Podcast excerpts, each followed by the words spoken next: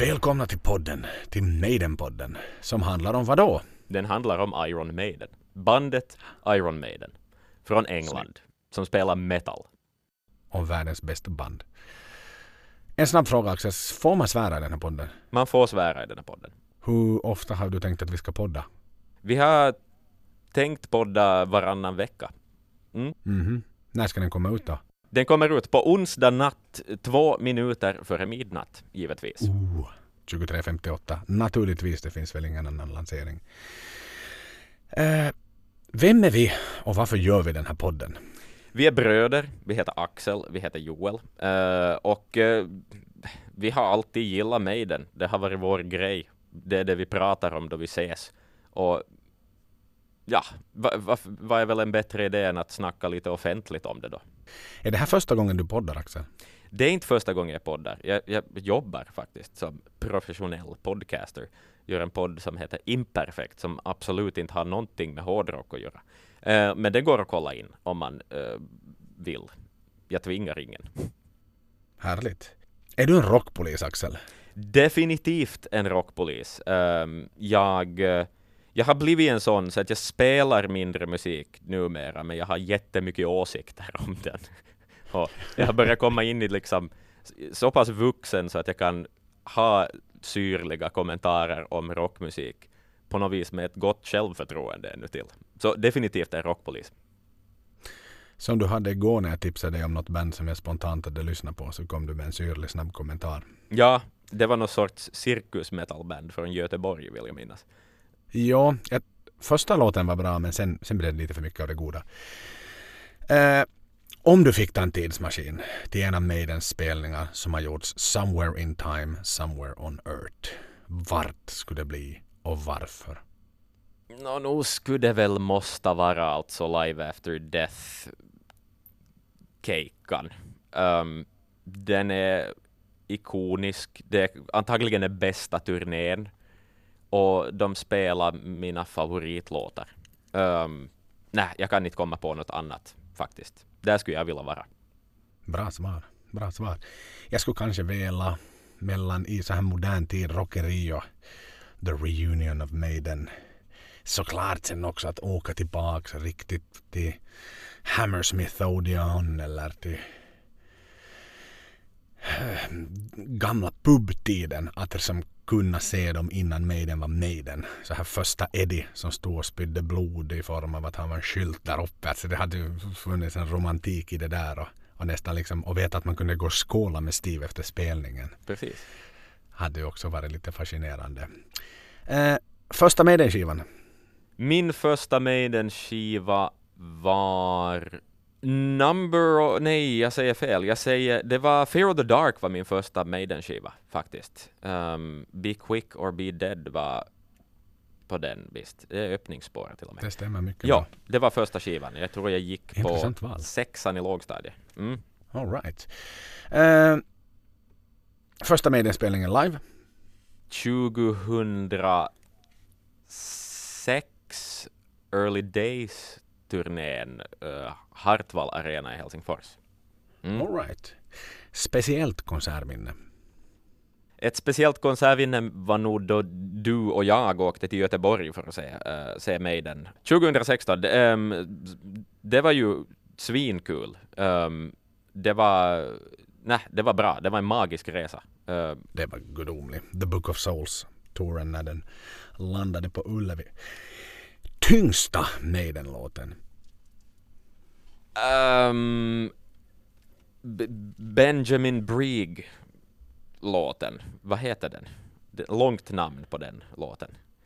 The Reincarnation of Benjamin Exakt. Brieg. Det är nog Maidens tyngsta riff skulle jag säga.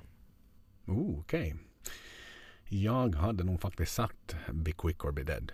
Ja, ja, den är hård. Den är hård. Den är tung i och för sig. Ja. Och sen en icke-fråga, eller en icke, en sista fråga som icke handlar om Maiden. Vilket är världens mest metal bandnamn och vilket är världens minst metal bandnamn? Oho.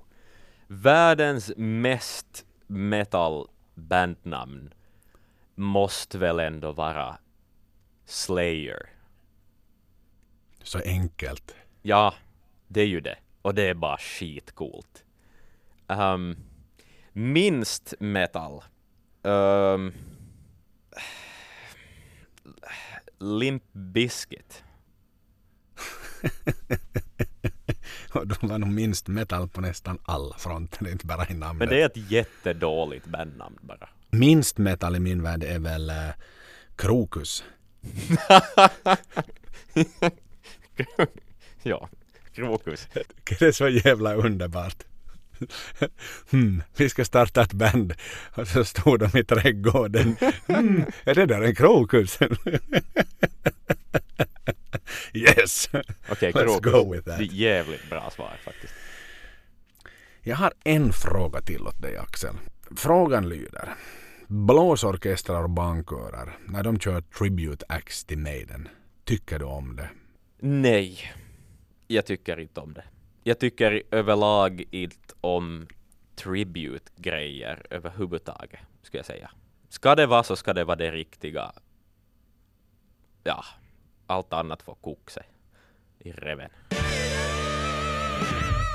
Podden. Vill du, vill du säga vad vi ska prata om i det här avsnittet? I det här avsnittet så ska vi tala om Maidens första demo slash EP, uh, The Soundhouse Tapes, som kom 1978.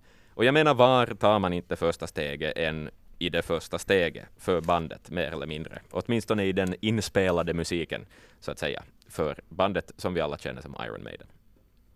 Helt klart. Och det är som du säger, vi, det kan tilläggas att det här kommer inte att vara en kronologisk podd där vi systematiskt går igenom skiva för skiva och tittar någonstans. Det, det är inte som en bok utan den vi tar det vi har lust att prata om och den musik vi vill prata om då eller den medlem vi vill prata om då eller turnén eller whatever. Men, men det är av ren och skär respekt som vi lyfter upp The Soundhouse Tapes på bordet för att det är utan The Soundhouse Tapes så är frågan om vi ens hade haft ett Iron Maiden idag. Exakt. Vad kan vi säga om Soundhouse Tapes? Det är i allmänna ordalag, eh, Joel. Um, det är få låtar och en ganska rå inspelning. Um, jag tycker väldigt, väldigt mycket om den dock. Ehm, ska sägas, helt från början. Ja, ja men samma här, samma här. Jag hade... När jag började, började, började riktigt tidigt lyssna på, på Maiden, det var nu någonstans Best of the Beast var då det var fullt av Bruce Dickinson, mer eller mindre förstås. Det var en del, en del Blaze och, och Paul-sånger också som är viktiga. Men någonstans som där så cementerades det att Bruce är Maidens sångare. Så jag hade till en början lite svårt med de här riktigt tidiga. Som sagt, jag kom sent in och jag, jag var kanske lite för ung för att riktigt uppskatta uppskatta den här tidiga resan som Maiden gjorde då. Samtidigt nu har jag blivit äldre också och jag har liksom no, lyssnat mera och, och såklart så nu kan jag verkligen uppskatta uppskatta de två första skivorna inklusive Soundhouse Tapes. Alltså den är eh, jag tycker att den är, den är så jäkla fräsch. Om man vet liksom omständigheterna kring det du har punken som verkligen är, är den som, som egentligen tar upp alla scen. Det, det var jättesvårt på den tiden att ens få en, cake, få en konsert.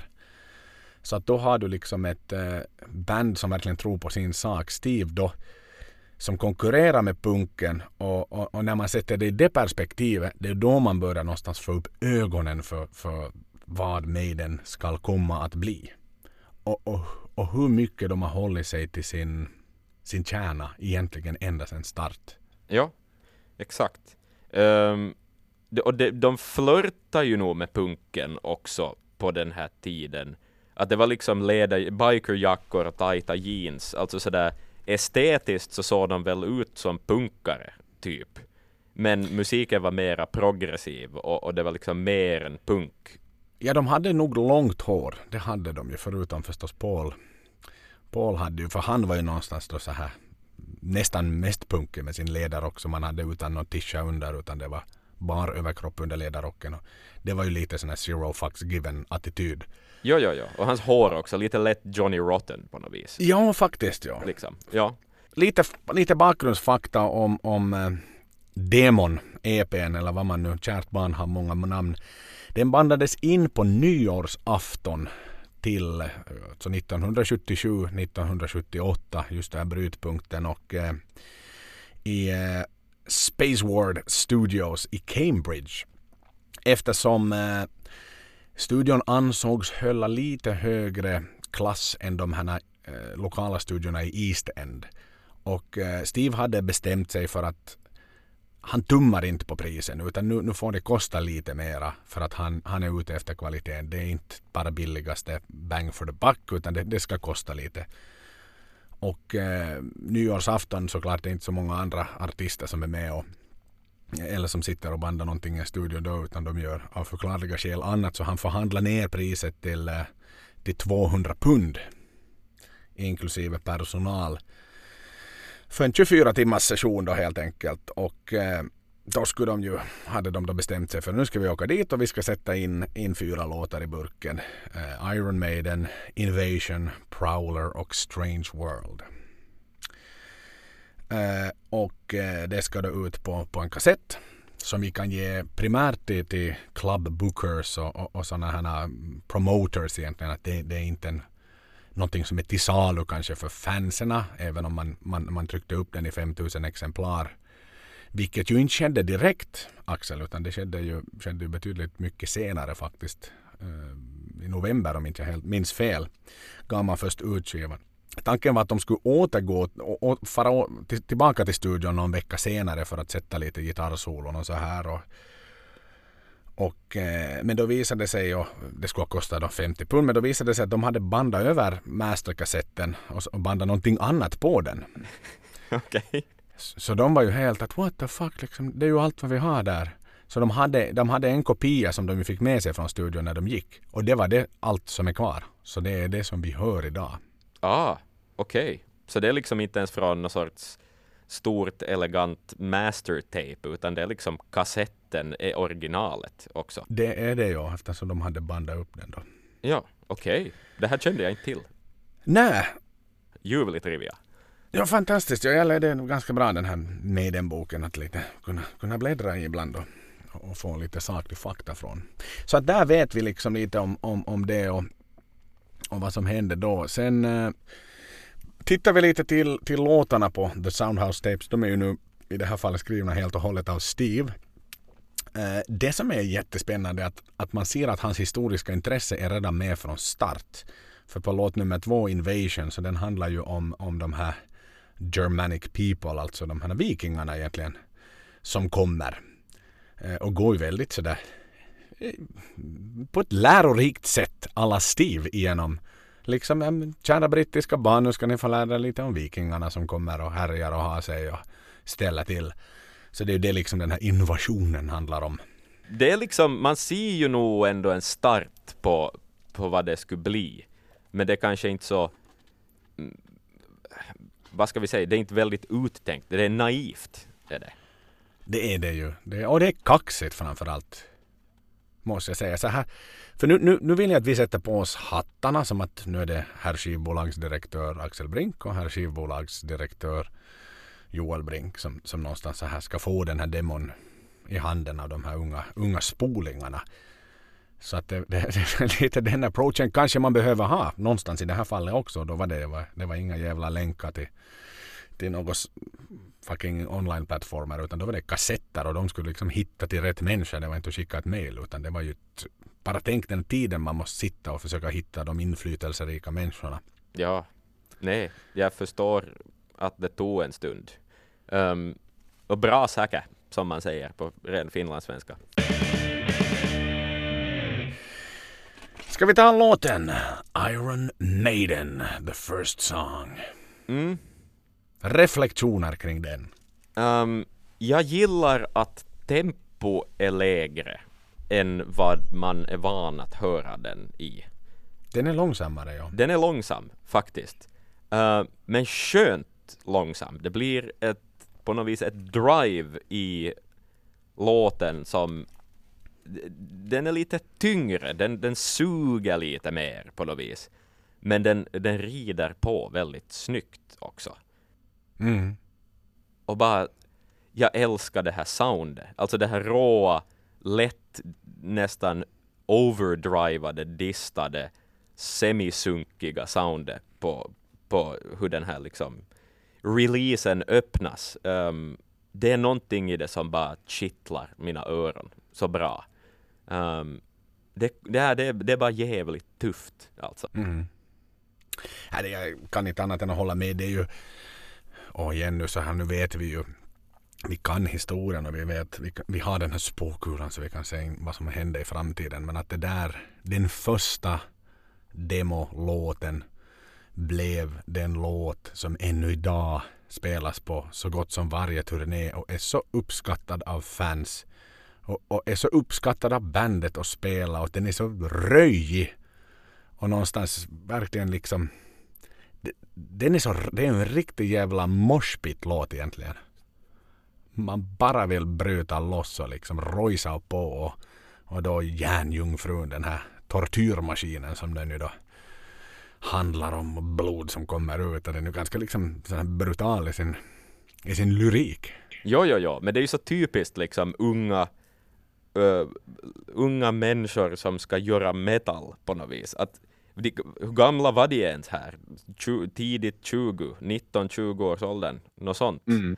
Att, att det är just sådär, det är just det där då man plockar fram liksom ett, ett lexikon för att leta efter häftiga grejer i historien och hittar Iron Maiden. Jag menar, det här är just den där entusiasmen över att få skriva något lite farligt på något vis. Det, det, är som så, det är så gulligt naivt men också jätte rock'n'roll bara.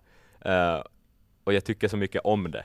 Att det på något vis att det är liksom inte riktigt metal ännu heller i, i sitt sound för den delen. Att det är liksom, det är mera bara, det är bara rock. Det bara ja, skriker rock på något vis. Japp, och vi, det kunde inte ha varit ett bättre val av öppningslåt än just Iron Maiden. Nej, nej, exakt. Det kunde det inte ha varit. Det är så att liksom, här är vi nu. Det här är Maiden, vet du. Nu, nu besitter jag inte tyvärr kunskapen på hur deras eh, låtkatalog såg ut på den tiden. Hur mycket hade de att välja mellan? Fanns till exempel Phantom of the Opera redan då? Eller inte? Så det skulle vara lite intressant att veta vilka låtskatter som idag finns som redan fanns då och hur man prioriterar på skivan. För att någonstans om det leder mig in på, på låt nummer två, just Invasion. Vi var inne redan tidigare på vad den, på vad den handlar om om, om då vikingarna som härjar runt och, och åker och har sig och The Norsemen som han sjunger och The Norsemen are coming, The Norsemen are coming. Det är ju en, en, det är en ganska annorlunda låt. Den har element som är lite speciella, tycker ja. jag. Ja, um, de där, uh, alltså det, det första jag skrev då jag lyssnade på det här var i versaler så skrev jag så punkig Jesus Christ har jag skrivit. Men jag gick bara så igång på det. Och det är som så just så naivt och den, den tar sådana skumma vändningar i, i rytm och, och liksom det bara byter mitt i allt på något vis. Och det är just det där att, att vi vill göra något nytt och kova på något vis, men passar det helt ihop kan man fråga sig. Men det, det, bara, det är som det är så spejsat på ett skönt och ungdomligt sätt på något vis. Um, och det, ja, nej men det är, det är rolig, det är rolig musik. Uh, sjukt kul faktiskt. Absolutely. Ja, det är en spännande låt. Den, den fick ju inte den upp, liksom så här tittar man historiskt så den, den har inte spelats mycket live den på sistone. Men, men jag tycker det är en bra låt. Um, ja, alltså den, den är spännande, den är bra. Kanske inte sån här som riktigt fastnar riktigt sådär. Nu kan jag nynna den för jag har lyssnat skitmycket på på EPn. Den är ju kort, kort på det sättet att lyssna på. Så jag loopar den, loopar den. Så nu sitter den ju som en som hos en karaokeman på en finsk bar i Helsingfors. Jag är lika självsäker som när han har sänkt 15 karhustupor. Är det liksom ropas upp hans namn. Kyösti, Um, joo, här. Nu ska du sjunga Juna Kulke av Kari Tapio. Sådär, med den självsäkerheten så. Så att... Um, men är spännande och bra, bra låt nog. Men, men sådär. I min värld är det den mest um, anonyma på den här skivan. Ja, definitivt. Definitivt. Uh, och den är lite sådär, den är lite galen på något vis. Uh, kanske därför den inte Ja, jag vet inte, kanske därför de inte har med den längre. Nu drar jag helt vilda gissningar här, men att den på något vis, den har inte samma monumentala på något vis grej som till exempel självbetitlade öppningsspåret i det här fallet. Um, den, ja. Och sen blandar jag, ja, då jag ser titeln för den del så börjar jag tänka på, på vidare skivor så börjar jag tänka på Invaders från, från um, Number of the Beast och, och, på något vis blandar jag där. Jag var så här, vad fan, fanns den låten med redan och sen hockade jag att det var en annan låt. Ja, exakt. Men den är, lite, den är ännu gladare. Invaders. Du, du, du, du, du, du, du, du, du, du. Men det är så här jätteglättig. Nästan sån här barn, barn, barnmelodi. Ja, exakt. Ja. Men den, den, vi kan ta Invaders när vi vid något skede ger oss på The Number of the Beast. Ja, um, ja, men den glöms lite. Det, det, är den där som man inte riktigt minns på något vis. Um, ja, det, det, faktum var att då jag lyssnade på Soundhouse Tape så, så började jag fundera på, är den här ens med på, på första plattan, officiella LPn liksom? Mm. Uh, men det är det ju mm. nog. Uh, Japp. Vilken uh, nummer ligger den på? Inte det är ju en plats ett inte. Jag skulle säga det. Någon ja. fjärde, femte låten kanske. Något sånt. Yep. Um, I den här podden så kommer vi också emellanåt att uh, plocka in lite folk som har haft med Iron Maiden att göra uh, längs med historien. Lite sidokaraktärer, lite folk som har, har jobbat i skuggan av bandet så att säga. Som får komma med anekdoter och, och liksom lägga in saker i, i, sina sammanhang lite. Och det har vi också gjort för det här premiäravsnittet av den här podden. Vem har vi talat med Joel? I det här avsnittet har vi talat med ingen mindre än Maidens första rådare. Steven Loopy Newhouse. Som var klasskamrat med Paul Diano och var med Paul Diano på hans första audition med Maiden och sen dess blev en del av bandet. Och det där, uh, Lupi har ju skrivit en, en hel bok om, om sina år med Maiden också, um, som uh, är riktigt läsvärd för alla som vill ha ännu mera Maiden-trivia i sina hjärnor. Uh, så den ska definitivt beställas, tycker jag. Um, men vi ska låta Steven komma till tals lite. I used to go to school with um, my friend Paul Andrews, who is more commonly known as Paul Diano. Oh. Now, Paul um, was invited to uh, to go for an audition with Iron Maiden, and he got the job, obviously. Mm. And after about a month of travelling backwards and forwards to the, the uh, rehearsal studio on his own, he he said to me, "Do you want to come along?" Which is exactly what I did. I, I went along, and, and that was it. I um I went along one Wednesday evening, and I, I went along to every other sort of rehearsal afterwards. We get the get the gear for, out of the cars into the studio. Um, I mean, back in those days, they didn't actually have very much. Um, no. In fact, saying that, they uh, I don't think they had a change in equipment the whole time I, I was with them back in the very early days. Were you the only one working with the band at that time, or? Yeah, yeah, yeah. It was just me and four guys out of the band. Um, I mean, I, I was basically the fifth fifth member. Oh yeah. Yeah. Interesting. So that was back when when uh, they only had one guitar. So that was with yes with yeah, Dave. I guess. I'm talking September 1978. Ah. What's the first story that comes to mind from the early days? Um, it, are there any memorable like accidents or something weird happening or or whatever? What what would you uh, consider to be the most memorable story from that period? Um, oh as for early stories, there's there's not much I can actually remember. Hmm. But one thing that does stand out was um, I mean Doug, the drummer I was working with, Doug Sampson. Um, he was always ill with something. He, you know, he always had a, a, cold or he felt sick. Or and there was one occasion when um, uh, the band were working or were rehearsing uh, Phantom of the Opera, hmm. and it got to a crucial stage where um, Paul had almost got it right. Um, and then Doug phoned up and said that he couldn't make the studio uh, because he, he wasn't feeling well. So Steve rang up uh, Ron Matthews, Ron Rebel, like one of his old drummers, and Rob uh, Ron stepped in in uh, Doug's place. Just it was just for I think, two two nights possibly. Yeah. Um, what what stood out to me more than anything that like when you sort of heard the song so many times and you've heard the way that Doug played it, Ron came in with a completely different style. It was almost like having a dr- jazz drummer mm. in a heavy metal band. It was just the weirdest, weirdest sensation. Um, that is probably the, the one thing that really stands out. Phantom of the Opera with a jazz drummer. That sounds very interesting.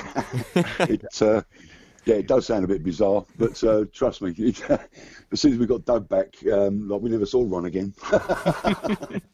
How did it work out when uh, Rod Smallwood came into the picture?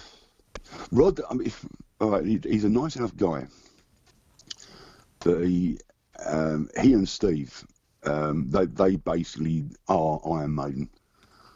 Um, Rod won't do anything without Steve say so, and vice versa. Yeah. Um, so when when Rod first came along, um, obviously he had the contacts, uh, especially like with uh, people at EMI. Um, he sort of managed to set up the uh, the recording time. Um, we went into the studios and, and recorded um, uh, Running Free, and we did the first album. Um, and that that was all set up by Rod. I mean, Rod did the did all the the, the, the hard work, if you like, getting the, uh, recording. Um, he managed to get people to come down and see the band live. Um, certain shows were set up specifically for record companies to come along. Um, yeah, that was uh, that was what Rod did, and you know, let's face it. I mean, now after all this time, he has done such an, an amazing job. You can't really argue with any of it. To be perfectly honest, I don't think, um, personally, I don't think that it would have gone the way it had if it hadn't been for Rod. I don't, don't think any other manager would have taken the band to where they are now. You know, obviously you've been around from day one, basically. Did you already know back then, kind of have a feeling that this band would really be so big that they are today and still would be, you know, maybe even bigger than ever now? At the time, um, yeah, there was something special there, but nobody, I don't think anybody realised just how big they would become. Mm. Um, I, uh, I mean, when I started in 1978, the band were already a good two years old. Uh, their first singer, Paul Mario Day, um, he did about 20 gigs with them, um, and then um, they fired him because he just didn't have any stage presence. Mm. And then they got in Dennis Wilcox, who had the stage presence but couldn't sing. What they were looking for is somebody that could do both. And when they got Paul, they got both. Mm so there was a lot sort of going on um, like before I joined.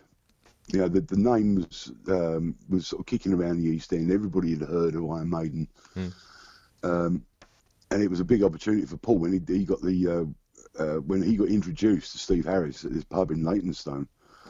He sort of went into it as if you know as if uh, it's just another band. I'll, I'll see how I get on, and um, and then when I started to go along to rehearsals with him, um, we both sort of realised just how much potential there was. Um, I mean, Steve playing bass. Uh, yes, I, I, I, played in the band myself. Um, I was a bass player, but I actually gave up playing because there was no way I was going to get anywhere near how good Steve was, and that mm. was even then. Yeah. Regarding the Soundhouse tapes, like, was it primarily made as a sort of promotional recording or or yeah yeah. Yeah it was solely to push out there to record companies and just generally people that would listen to it and you know sort of help move us along. Yeah. Ah yeah so, cool so that probably answers uh, the question we had about uh, wh why it would take so long before it was released sort of it was finance more than anything i think rod financed that himself mm. Yeah, it's all about finance. I mean, it, we, we, Steve had borrowed so much money from from his nan. Um, that was to finance the band's PA. That was to finance the, the band's van, not the Green Goddess. I mean, we, when we first bought that, it was a bit of a mess. Um, but once Vic had had it for a couple of months, he put the, uh, this shutter in the side with steps leading up, so you could actually get in there, and there were sleeping quarters. Oh on the inside of the van, and then all the equipment still went in the back. So how many? we took that everywhere with us. because Steve had borrowed all his money, he couldn't borrow any more. So therefore, I think it was Rod that actually put up the finance for uh, for the Soundhouse tapes, and that's why it took so long. Ah, cool. But that's a proof that he really believed in the band, though. Um, I guess so. Yeah. yeah. Should we go with the last question, Axel? We should. Yeah. So, what's your favorite Iron Maiden album and song? It doesn't have to be from the same same album. Well, fav- favorite Maiden album um, still has to be Power Slave, quite simply because that was the last album um, they recorded while I was still with them. Yeah. And we we've spent a fabulous couple of months in Nassau in the Bahamas recording that, um, Hmm. where they, the band would go into the studio sort of around about two o'clock every afternoon. Um, they'd record until six, seven o'clock, and then we'd all go out and get drunk and um, sleep it off, and then get up at two o'clock and do it again. but um, yeah, we, we uh, I mean, we had a great time in Nassau. I mean, it's just an amazing place. Hmm. Very, very white sandy beaches, clear blue sea. and It's, it's it is paradise. It Yeah. really is. Wow. Um, and as for the single, it's got to be, although it's a bit controversial with all the publicity and all the trouble they've had, but it has to be Hello Be Thy Name. Hmm. For just just the way it starts, the way it builds, you know, it's, it's the ultimate heavy metal song. It really is the best. Podden. Som vi redan var inne på så, så har, har Steve skrivit sin, sin bok The Iron Maiden Years som handlar om hans tid med, med Maiden som, som gick hela vägen fram till World Slavery Tour eh, 1985 under Powerslave-albumet och eh, den är jättespännande den här boken. Den är full med oerhört intressanta anekdoter och, och jag kan lova att ni kommer att lära känna bandet på ett helt nytt sätt det finns lite sån här dirty secrets för alla. Maiden är ju ett band som är ganska värna om sin integritet. Han, men han gör det på ett väldigt eh, chantilt och trevligt sätt utan att outa. Det är inte liksom en skandalpress som, som släpper en bom, bomb utan han gör det på ett charmigt och behagligt sätt. Men vi kommer att lära känna bandet och vilka som var lite lättare att ha att göra med och vilka som var lite krångligare att ha att göra med på ett, på ett helt nytt sätt. Så att eh, Gå in på loopyworld.co.uk och beställ boken redan idag. Eh, som sagt den är utgiven av honom själv så det är inga, inga jätte förlag som ligger bakom utan intäkterna går till, till en Maiden-bror helt enkelt i, i England och, och boken är väldigt spännande. Så jag kan varmt rekommendera den, den till er som vill, vill förkovra er ytterligare i, i Maidens era från 78 fram till 85. Ska vi gå vidare? Eh, Prowler. Prowler. Vad betyder prowler? Va, ja, vad är prowler? Är det någon sorts strövare? Ehm, vad gör man om man prowlar? Jag vet inte vad, men det är ett jävligt fint ord, men jag vet inte vad en prowler är. Det är en kringstrykande man. Jaha. Mm. Vi hade en sån på högstadiet faktiskt. Han kallades smygaren. Okej. Han liksom gick runt bara och drog sig liksom längs med väggarna och, och observerade saker. Men han, han var inte som aktivt delaktig i diskussioner och sånt. Men vi kallar honom smygaren i alla fall. Okej. Tänk vad coolt om jag på den tiden skulle ha vetat att han skulle vara en prowler. Då skulle jag börja gilla honom. På ett helt annat sätt. Nu, nu lärde jag aldrig känna honom. Han var säkert jättetrevlig men... Men han var kanske inte så social till sin natur. Han kanske inte har en podd idag. Precis. Han stryker säkert omkring fortfarande. Han prowlar runt kanske i East End i London om han packar väskan och flyttar dit. Ja, men vad, alltså återigen också, den spelas i ett betydligt lägre tempo än vad den görs senare eh, på skiva och live. Eh, men också, jag gillar den där tyngden som den får. Och jag funderar om det är liksom, eh, vad heter trummisen nu, eh, denna era? Det, är ju, det här är ju före eh, Doug Sampson är det väl? Japp, det är Dog som spelar trummor. Att kanske det är det att det är hans förmåga som gör att tempot dras ner lite på något vis. Att, Sen har man ju, men du vet ju själv, vi har ju båda spelat i band, både metalband och rockband du och jag i x antal olika uppsättningar. Så här, live är ju allting mycket snabbare. Och i studion någonstans i alla fall, jag minns till och med när vi var i studion, då skulle man nästan dra ner lite på tempo. Alltså den skulle inte vara riktigt så snabb som man kanske hade tänkt sig utan man drog ner den här klicktracken lite långsammare. Så att eh, kan det ha någonting med det att göra att det plötsligt blir det lite mer allvarligt och det är lite mer formellt när det ska bandas in i en studio. Och då blir det kanske ibland, ibland till och med lite för långsamt in, inspelningarna. Ja, att man vill att rifferna ska spelas rätt. Liksom. Så hellre spelar man lite långsammare på något vis. Eh, en annan grej som är som så, det är så skönt att det är så demo, för det märks, det kommer in i den här låten. För att Daves gitarr är så ostämd i, i den där instrumentala delen i mitten, sticket vad vi kallar det, att det, det liksom, det, där hade färg alltså. Um, det, det är som så gulligt och, och kul och att det inte fanns tid att göra om det och stämma gitarren. 24 timmar hade de på sig. Exakt ja. Antagligen var det det att hans gitarr var liksom så pass dålig och billig så att den inte bara, den höll inte hela låten igenom.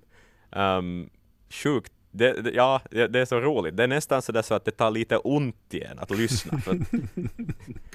Nej, men alltså tänk någonstans, de lyckades förhandla ner studion till 200 pund. Eh, det var allt vad de hade. För en annan rolig anekdot kring det här då. Så det var ju mitt i vintern såklart. Det var på nyårsafton och de hade ju ingenstans att övernatta. De skulle sova i bilen egentligen i den här eh, paketbilen skåpbilen som det heter i Sverige. I Finland heter det paketbil. Eh, som de skulle sova i. Sen hittade de någon, någon eh, fest. Nyårsfest som de lyckades, var det på någon pub eller vad det var som de lyckades liksom bli inbjudna på. För, för Paul var lite av en sån här womanizer på den tiden. Att han lyckades, hade liksom lätt, lätt, att, lätt att få kvinnor helt enkelt. Så han lyckades då charma till sig hos någon, någon tjej som bjöd hem dem som bjöd hem dem till, till hennes lägenhet. Hela bandet då, de låg liksom och kura i ett hörn av den här ettan.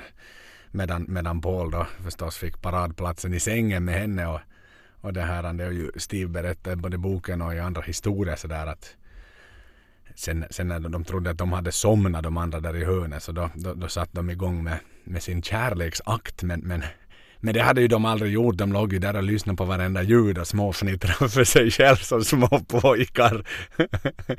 Men ändå, ändå väldigt tacksamma över att de fick, eh, fick sova där, eller fick vara inne i värmen i alla fall.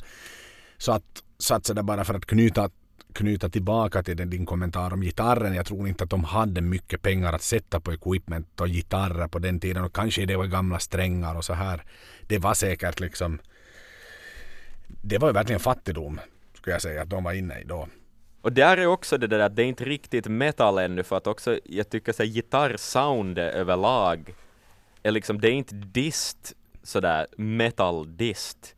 För att det fanns inte riktigt ännu utan det är lite mer sådär The Stooges, liksom att den, den är nästan clean gitarren men han spelar så hårt så att det liksom blir en overdrive på det och det, det blir en den, den låter väldigt fint den där gitarren men men just då och de här uh, bändiga riffen som kommer in i, i, låten, att man märker där på något vis att Dave liksom kämpar för att få de där bändarna att bli fina uh, på något vis. Att han är ute och svajar um, och, och, måste jobba mot sin gitarr. Men det, det är bara så tufft tycker jag. Ja, det är så rått och det är som så äkta. Och, det är just att det här tog 24 timmar att göra. Uh, det är kova. Ja, då ska du hinna både med lite öl och sova däremellan också. Och det är ändå fyra låtar som ska in the can. Jag menar när vi bandade vår första demo, vi var två dagar och bandade tre låtar. Och då var det två hela dagar. Och då blev det en skit. ja, alltså jag älskar ju intro till Prowler. Liksom. Den är och sen när trummorna kommer in och den här gitarrstämman läggs på där. Det är ju så jävla kaxigt. Alltså det, det är som riktigt kittlar igen. Man, man bara vill ha. Jag, jag, det här är en av mina liksom absolut early Maiden Days favoriter. Och jag minns när vi fick höra den på, på den här Early Days touren som de ju gjorde då någon gång på 2000-talet som jag inte minns men de tog ju med den här låten då. Det var så jäkla roligt att höra den live faktiskt. För den är en suverän låt. Men sen i den här just återigen man märker att det är en demo för där mellan solorna så kommer ett sånt här riktigt fantastiskt vrål av Paul in.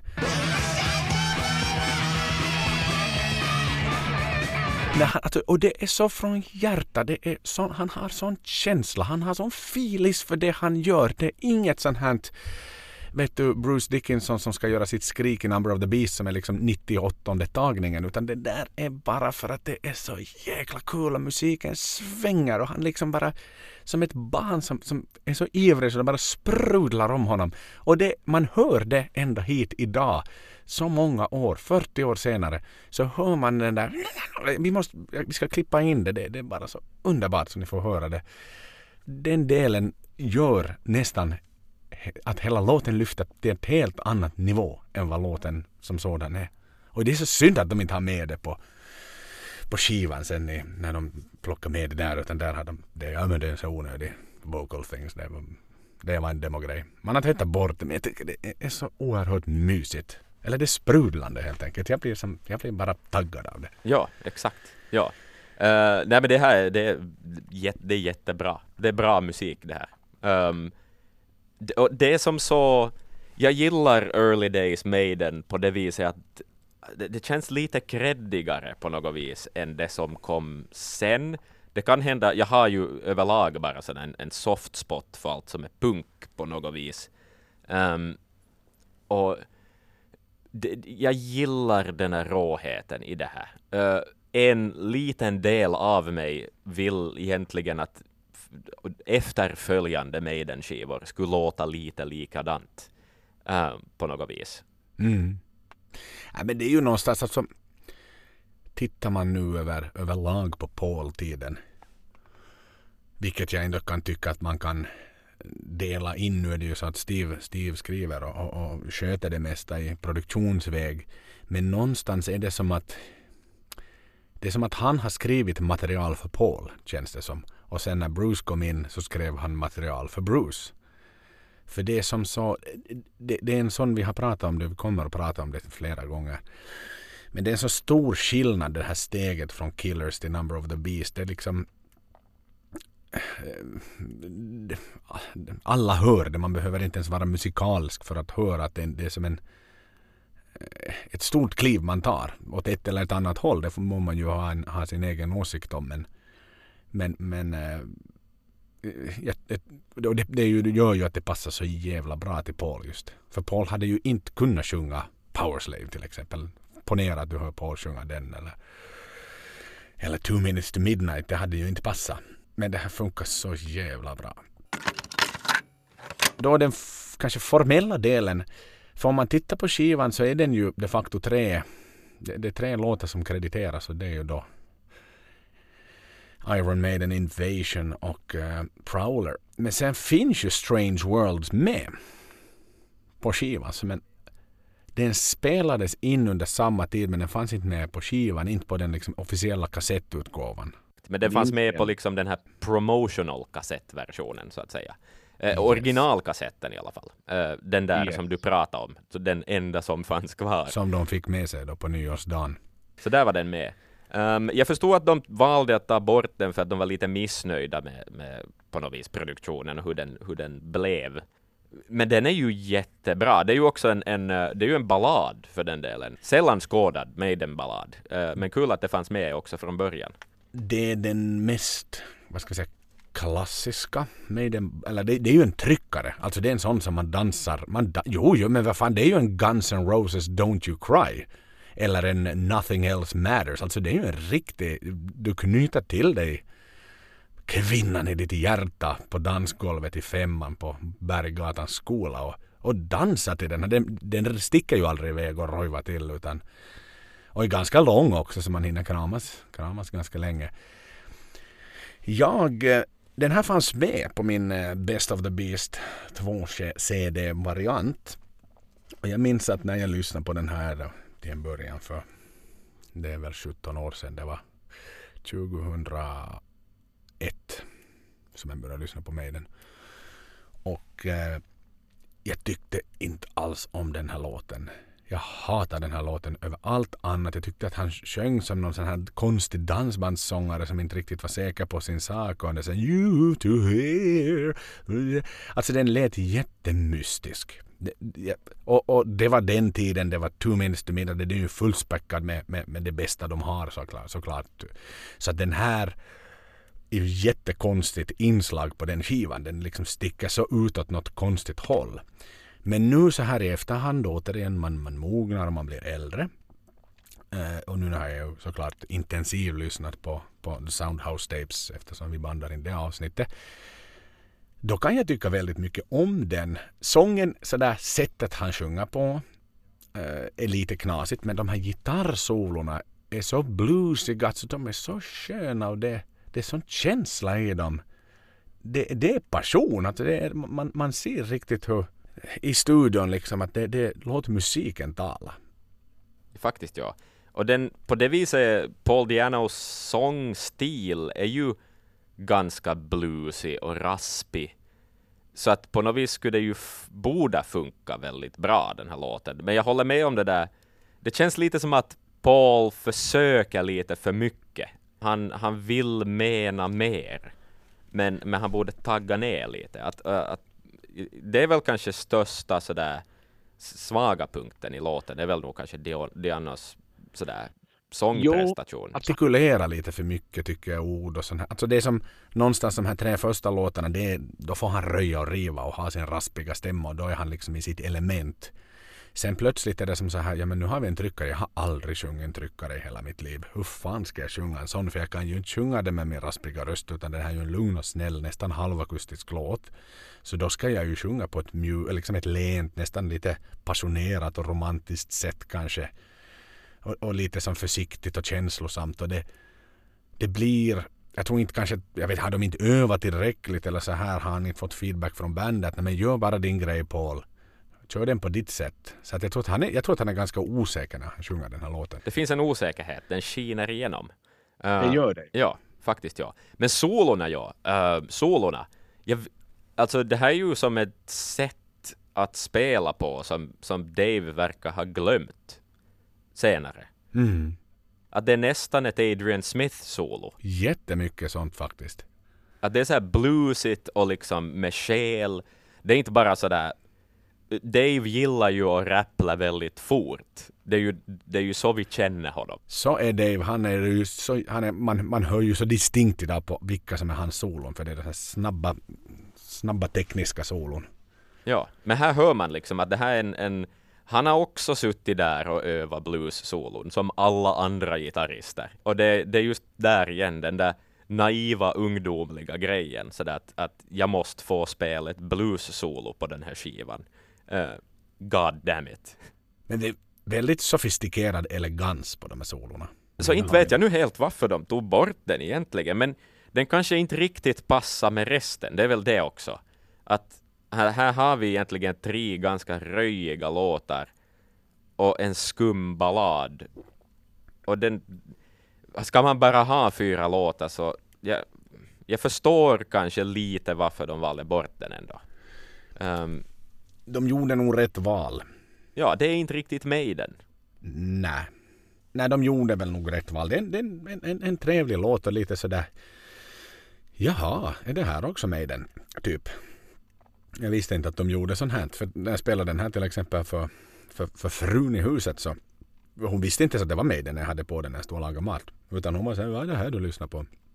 Men så är det med den. Jaha, hon var verkligen överraskad över det där. Så for the untrained ear så, så är det liksom väldigt långt ifrån.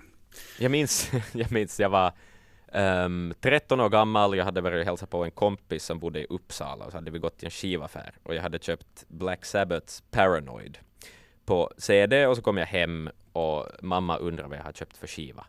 Och så säger jag att jag har köpt Black Sabbath och, och i hennes öron, jag men, hon minns säkert inte från sin ungdom ens det där bandet. Men hon tyckte ju säkert att det lät som någon sorts satans dyrkarband, liksom. Att vilket hemskt bandnamn. Och så var hon sådär, men får jag höra en låt då? Och så satt jag på Planet Caravan. som är den låt på skivan som är absolut minst Black Sabbath. Uh, och så var hon så ja men det här var ju fint. Att det, det här är ju lite Strange World, det liksom Soundhouse Tapes Planet Caravan på det viset. Den är, det är den där snälla liksom låten som man kan spela för mamma och pappa eh, på något vis. Utan att visa de riktiga färgerna. Faktiskt det är sant, det finns lite som den här, nu är du inne på någonting fel men det finns det finns en bild på en, på en roadie eller någon sån här chaufför som ska hämta upp ett band på en flygplats och så står han liksom med en skylt med bandets namn då. För att de ska spela i staden eller i landet. Och bara att det är lite pinsamt kanske för, för, för chauffören för bandet heter Anal Kant. Ja, Anal Kant. Kanske inte svärmorsdrömmen sådär. Hej jag dejtar en sångare. Han är, han är sångare Anal Kant. EPn är nu in the can och, och nu är det då dags för, för mig den att bege sig ut i, ut i världen med, med förhoppningsvis väldigt högt självförtroende. Och då kom de ju i kontakt, eller kom i kontakt, det finns ju, fanns ju en väldigt känd filur som hette Neil Kay i London som hade någonting som hette The Bandwagon. Som egentligen var att han var klubb, klubb-DJ och han körde metal väldigt mycket modern metal. Han hade som, som policy att inte spela någonting som var äldre än tio år och, och ville gärna promota. Men han var ju då som sagt han var väldigt populär och, och lite så här, alltså han var i allra högsta grad self-made man och, och trodde väl ibland lite för mycket på sig själv. Så där. Han var ju fullkomligt övertygad om sitt koncept. Men, men, han var ändå liksom the go-to guy när man hade någonting nytt för att få spelat. Och, och det här, vi, vi, vi kommer ju att få höra i intervjun lite mera om, om den här händelsen. Men de lyckades de i alla fall komma till.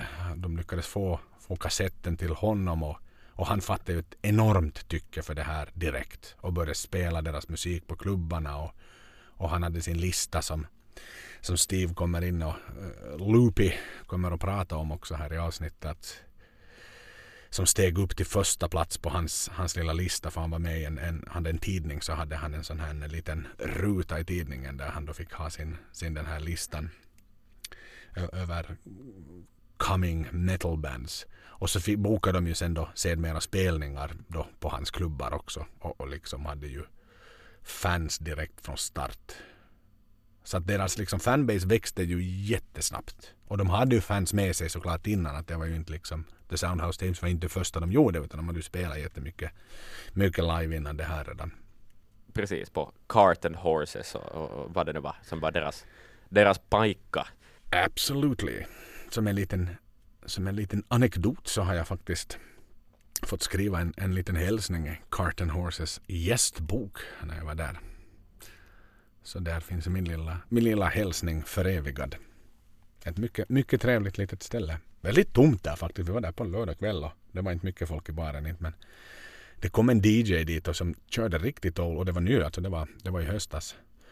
Och han hade CD-skivsväskor med sig, jättemycket väskor. Så det var liksom verkligen, där är det ordning och reda. Det är inte liksom Spotify-playlistor och så här. Utan han, han satt på sin CD-skiva och så fick man gå och ha önska någon låt. Han hade planerat sitt sätt. Mm. Så det var väldigt autentiskt naturligtvis. Det är coolt. The challenge of the beast. Nu ska vi köra någonting som vi väljer att kalla för Challenge of the Beast, där eh, någon av oss utmanar den andra i att rota i sina absolut djupaste um, liksom trivia gömmor i huvudet uh, vad gäller Maiden. Det här är liksom väldigt specifika saker som vi är ute efter. Och ja, det är ett litet quiz helt enkelt. Jag har, uh, Joel, jag har fyra frågor åt dig. Uh. På, på temat krig. Maiden är ju känt för att ha skrivit mycket om krig.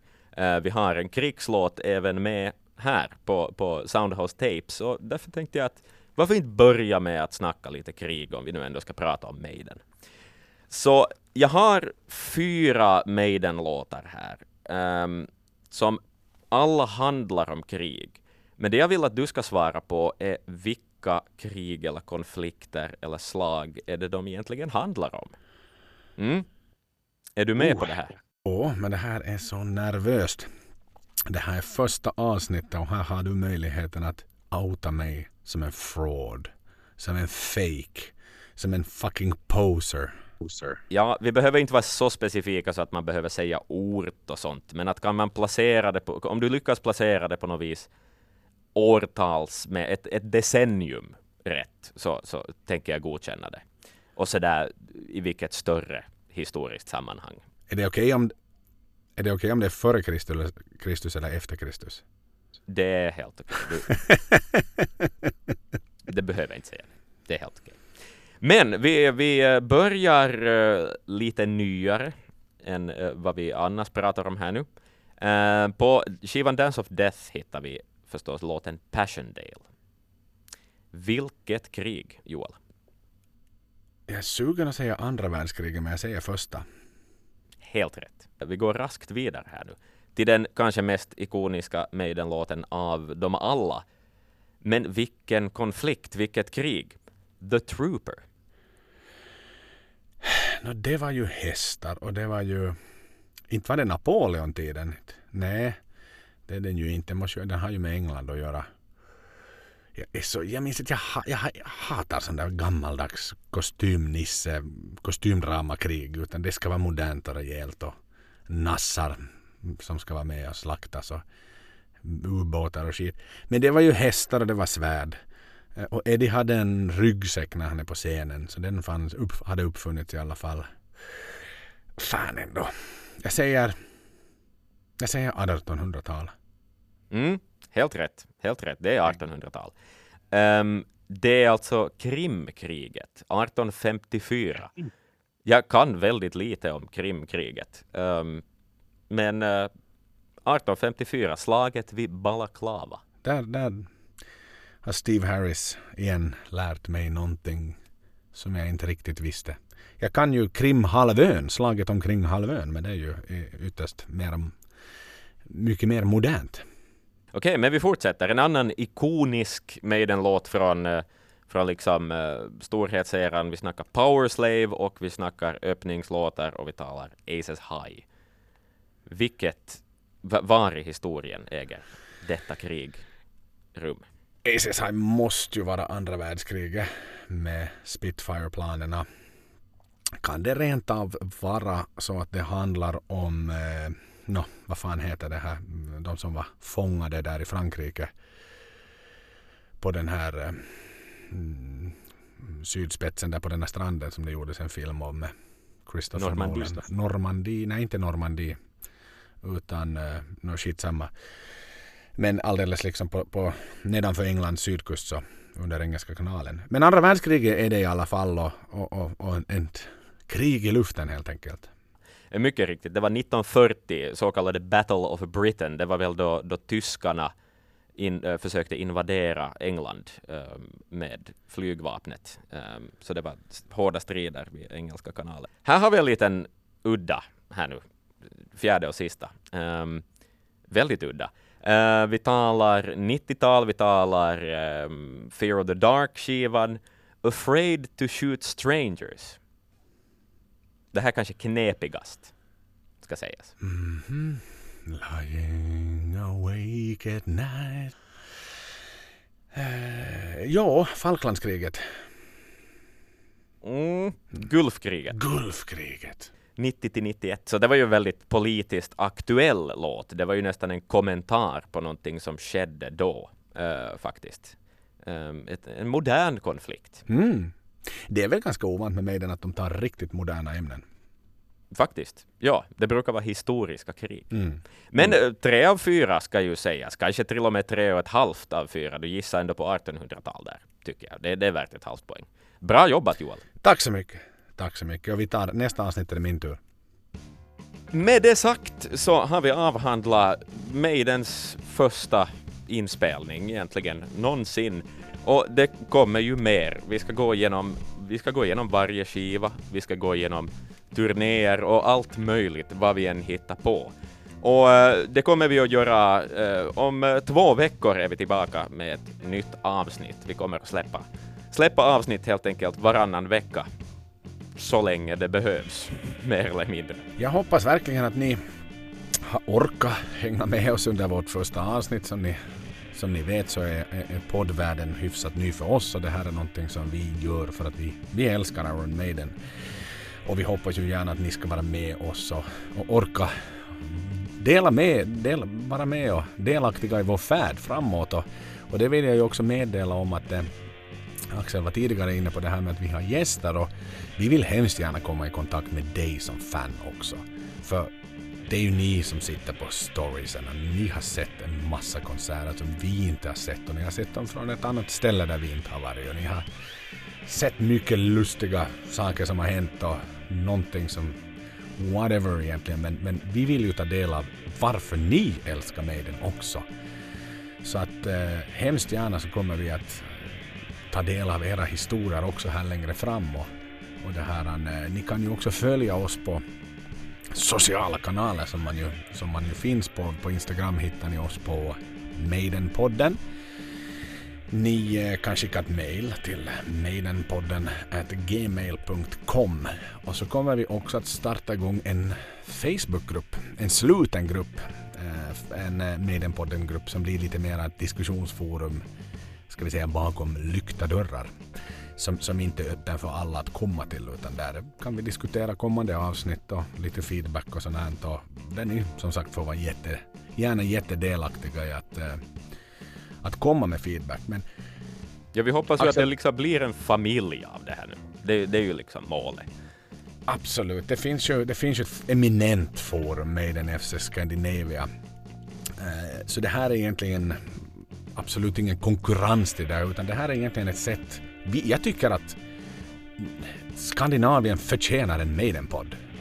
Och sen hoppas jag att ni ska godta oss som värdar för Maiden-podden. För vi, vi kommer att traggla på och vi är ödmjuka och vi älskar och nyfikna på vad som ska hända. Och, och, och som sagt, det, det, är ett band som har hållit på i 40 år plus idag. Så information och anekdoter och fantastiska storyn finns ju förutom den gudomliga musik som, som bandet har gett oss. Och ja, hur känns det nu Axel? Är det, var det nervöst? Nu är det liksom, nu, nu är den ur skrubben så att säga. Ja, lite nervöst är det ju, för det kommer säkert alltid att finnas någon besserwisser som stör sig på att vi inte vet tillräckligt. Men jag menar, det är ju därför vi gör den här podden. Vi kommer att lära oss jättemycket på den här resan också. Uh, och jag har alltid gillat att snacka och om jag snackar så snackar jag helst om saker jag tycker om att prata om. Och Maiden pratar jag jättegärna om. Ja, men samma här, för vi, vi utgör oss inte för att vara professorer i Maiden-kunskap. Och vi har inte träffat bandet jättemånga gånger. Jag har träffat, träffat Adrian privat en gång. Men eh, vi hoppas helt enkelt att ni vill vara med och, och, dela vår resa. Och jag tror att ni kommer säkert att lära er mycket. Och, och vi gör den för oss. Såklart. Det är ju för att vi älskar att prata, prata med den och vi pratar alltid med den ända sedan, ända sedan du kom ur skåpet med att du var maidenit till mig. Så har vi pratat om det. Så att varför inte köra igång och sätta ut det på en podd istället? Nej men exakt. Givet. Givet. Men vi hörs igen om två veckor och då är vi tillbaka med vad vi än är tillbaka med. Det får vi se då. Exakt. Until the next time. Tack för att ni lyssnade. Sköt om er.